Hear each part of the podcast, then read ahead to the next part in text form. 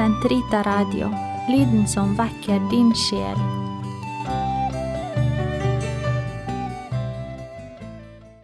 Den katolske kirkes katekisme, uke 44, torsdag 1569 til 1574. Ordinasjonen av diakoner til tjeneste. Lavere i det kirkelige hierarki står diakonene, som mottar håndspåleggelsen ikke til prestedømme, men til tjeneste. Ved diakonordinasjon er det bare biskopen som foretar håndspåleggelse, for derved å vise at diakonen på en særlig måte er knyttet til biskopen med henblikk på de oppgaver hans diakonia medfører. Diakonene har på en særlig måte del i Kristi sendelse og nåde. Ordinasjonssakramentet setter sitt preg, karakter, på dem, et preg som ingen kan viske bort, og som likedanner dem med Kristus som gjorde seg til diakon eller tjener for alle. Det tilkommer diakonene å bistå biskopen og prestene i feiringen av de guddommelige mysterier, fremfor alt eukaristien, og utdele den og medvirke ved ektevielse og velsigne ektepakten, og forkynne evangeliet og preke, og forrette ved begravelser, og å vie seg ulike former for nestekjærlighet. Etter det annet Vatikankonsil har Den latinske kirke gjenopprettet diakonatet som et eget og varig trinn innenfor hierarkiet, noe Østens kirker alltid hadde holdt ved like. Dette permanente diakonat som kan meddeles gifte menn, utgjør en stor berikelse for Kirken i dens sendelse.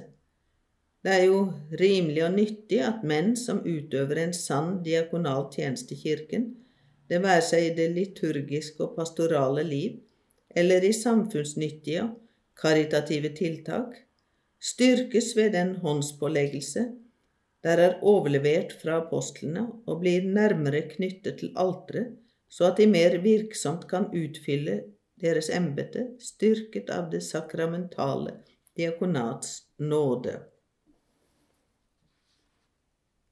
Feiringen av sakramentet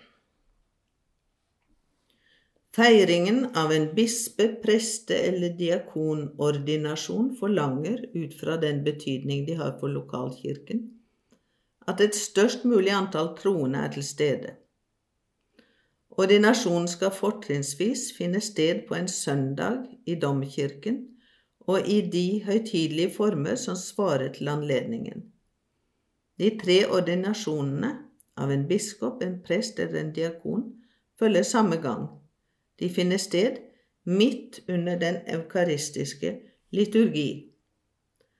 Den vesentlige ritige og den ordinasjonssakrament utgjøres for alle tre trinn av at biskopen legger hendene på ordinandens hode, og av den særskilte vigselsbønn hvor det bes om at Den hellige ånd må utgytes og Åndens særlige gaver må gis kandidaten med henblikk på den tjeneste han ordineres til. Som i alle sakramenter omgis feiringen av utfyllende riter. Disse varierer sterkt etter de ulike liturgiske tradisjoner, som de har hatt det til felles at de uttrykker de mange sidene ved den sakramentale nåde. Slik stadfester de innledende riter etter den latinske ritus, fremstilling og utvelgelse av ordinanden, biskopens tale, overhøring av ordinanden, allehelgenslitaniet, at kandidaten er blitt valgt etter kirkens skikk. De forbereder den høytidelige vigsel, som så etterfølges av flere riter som uttrykker og fullbyrder på en symbolsk måte det mysterium som har funnet sted.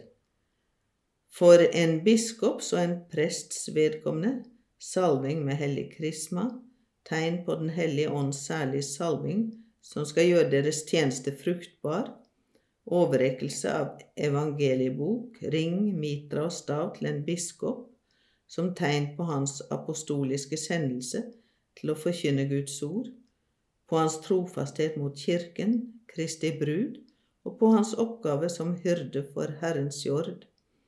Overrekkelse til en prest av patena og kalk, det hellige folks offergave, som han er kalt til å bære frem for Gud. Overrekkelse av evangelieboken til en diakon som nettopp har mottatt sendelse til å forkynne Kristi evangelium.